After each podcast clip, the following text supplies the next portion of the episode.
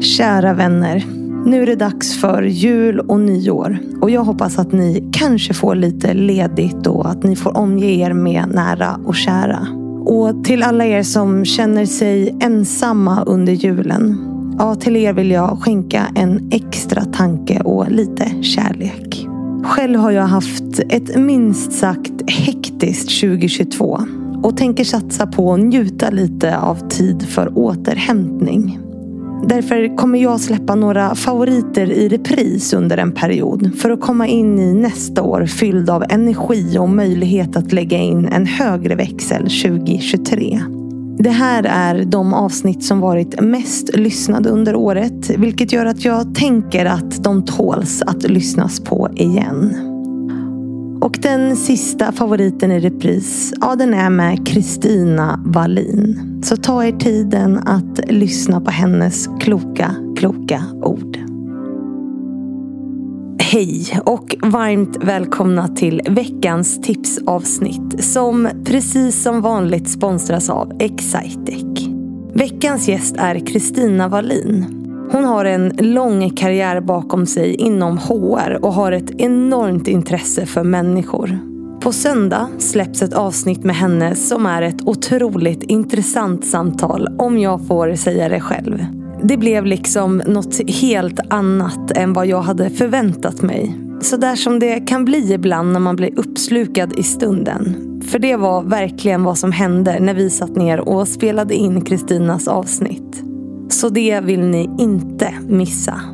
Men Kristina har jobbat med människor länge och något som varit viktigt för henne genom hennes karriär är att skapa psykologisk trygghet.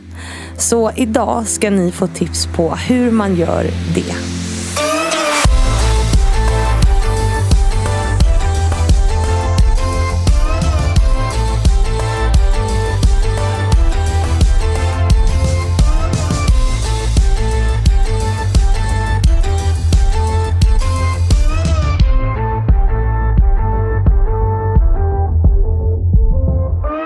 Så då säger vi hej och varmt välkommen igen till Kristina Wallin. Tack! Wow, jag är faktiskt helt lyrisk efter vårat samtal. Jag med. Det var så kul. Jag vill inte gå härifrån. Du Nej. får kasta ut mig. Nej, men det blev så bra. Och jag, det var så roligt för jag var lite så nervös inför den här podden. Inte nervös men för att jag har förberett mig alldeles för lite. Jag har haft kaos. Jag har en praktikant som är kvar resten av det här året. Jag sa till henne, fan alltså jag har inte förberett mig tillräckligt mycket för den här poddinspelningen. Och det kände jag för dig också. Och sen mina Ja. gäster är ju sällan förberedda när de kommer hit. Det vet mina lyssnare. Men, men jag brukar vara väldigt påläst. Men jäklar vad bra det blev. Wow, alltså det, jag, eh, nej det var, du, du bara sitter här och nickar. Ja, därför att det behövdes inte så mycket påläst utan vi har ju haft ett samtal som handlar om eh, livets väsentligheter i högre grad. Ja, och liksom knutit det till ledarskap och att driva förändring och vad händer när vi förändrar oss? Vad sätter det igång för känslor och hur hanterar vi det? Ja. Som ledare men som också som individer. Ja. När det gör ont. ja. Nej, superbra. Mm. Eh, jättebra avsnitt. Jag är hög, höll på att säga. Det behövs ingen alkohol eller sånt här. Inte. Vi Jag blir- vårt blir lycklig av poddinspelningar. Det är tur att det här är mitt jobb. Eh, Men det här är ju ditt tipsavsnitt. Ja. Ja, som Precis. lyssnarna får ta del av varje onsdag. ja. Dels för att få höra lite om dig inför söndagen när avsnittet släpps. Men också för att man ska få lite försmak. Mm. Och att man ska kunna ta till sig lite bra konkreta tips lite snabbt så här mitt i veckan. För att peppa till. Mm. Onsdagar då är man lite så här mitt i veckan. Då är man mitt i veckan, då har man inte riktigt kommit över tröskeln och känner att det närmar sig helgen och man har inte riktigt Nej. energin med sig i början av veckan. Nej. Så nu är det onsdag och då får man ladda upp. Ja, en lillördag. En lillördag. Och du ska ju få ge tips på hur man skapar psykologisk trygghet. Ja, Så att jag lämnar över scenen till dig. ja, tack. Varsågod. Nu ställer jag mig här. Men och psykologisk trygghet det är ju egentligen, tänker jag, detsamma som att känna sig trygg och säker på jobbet. Att känna känslan av att jag gör roliga saker som bidrar till, till omvärlden och det finns inga frågetecken kring det. Nej. Som är orosmoln i alla fall. Utan jag känner mig trygg här.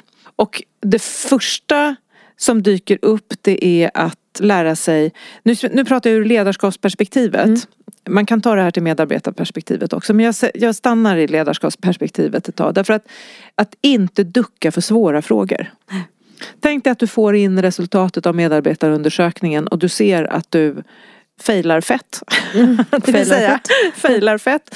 Du är på en eh, två och en halv av fem på ledarskap och kommunikation. Mm. Vad gör jag då? Jag sopar inte resultatet under mattan utan det här är någonting som jag måste adressera med en gång. Mm. Och är det här för svårt att ta i då måste jag skaffa hjälp. Jag måste sträcka ut handen till någon jag litar på. Det kan vara en chefskollega eller så är det någon på HR eller så är det någon utanför organisationen. Så här, hur gör jag? Mm. Så att jag får hjälp att adressera det här med de som jag leder. Därför att annars så kommer jag aldrig att kunna få kunna skapa en organisation eller ett team med psykologisk trygghet. Mm. Det nästa är, är då också som nummer två och de, de kommer egentligen inte i, i någon inbördes rättordning här men Nej. feedbackkulturen och att, att skapa en feedbackkultur handlar om att föregå med gott exempel.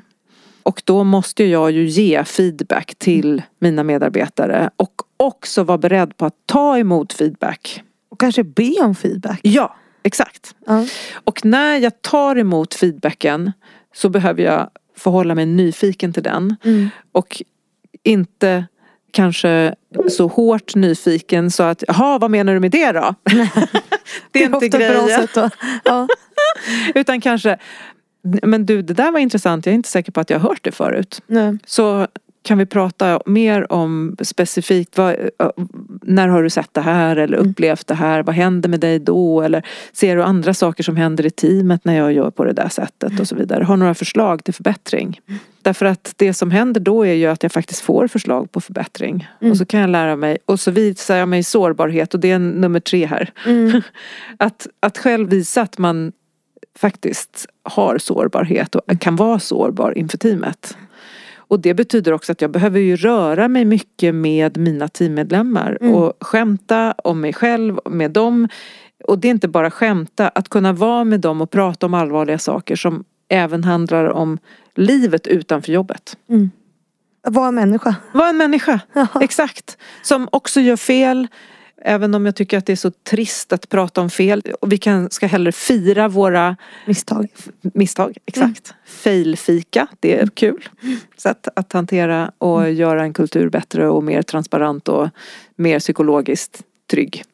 Jag fick det av en eh, kompis i present när, jag, eh, när podden firade ett år. Då fick jag en fuck up champagne. Så hon sa den här ska vi inte öppna när, när det går bra utan vi ska öppna den här när det går dåligt. När det går riktigt jävla skitdåligt, Ja. då tar man fuck up champagne. Tyvärr så firade vi den, tog vi den för att fira ändå. Men, men, men jag tyckte det var ett Alla bra gamla koncept. fuck ups. Men sen gick det två år och så bara okej men jag har liksom inte gjort en riktig jäkla fuck up än.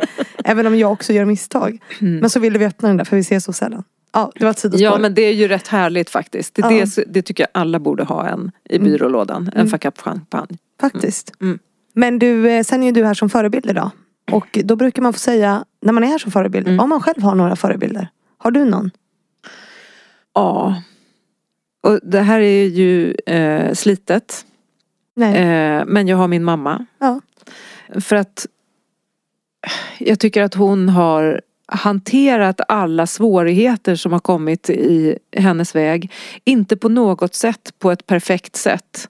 Men utifrån sin bästa förmåga alltid. Mm. Och det är det bästa vi kan göra. Eller det Ja. enda vi kan göra. Ja. Och nu blir jag alldeles rörd Ja, jag när jag det. pratar Nu om det här. ja, det kommer gråta. nästan tårar i ögonen. Ja, fint. Eller det gör det. Ja. Och jag tycker att ehm, Även fast hon befinner sig på ett ställe idag, hon lever, Mm. så det är inte himlen jag pratar om utan Nej. det är hennes, hennes lägenhet Mm. eller hennes liv. Där, där kroppen börjar svika och där, där oron för att klara sig och så vidare ofta har henne i sitt grepp på något Mm. vis.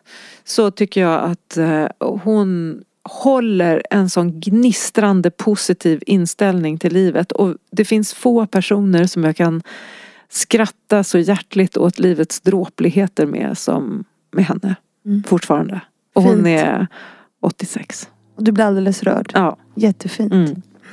Men då säger vi tusen tack för att du har varit här. Och så säger vi åt de som lyssnar nu att de ska lyssna på söndag. Mm. Tack så mycket. Tack.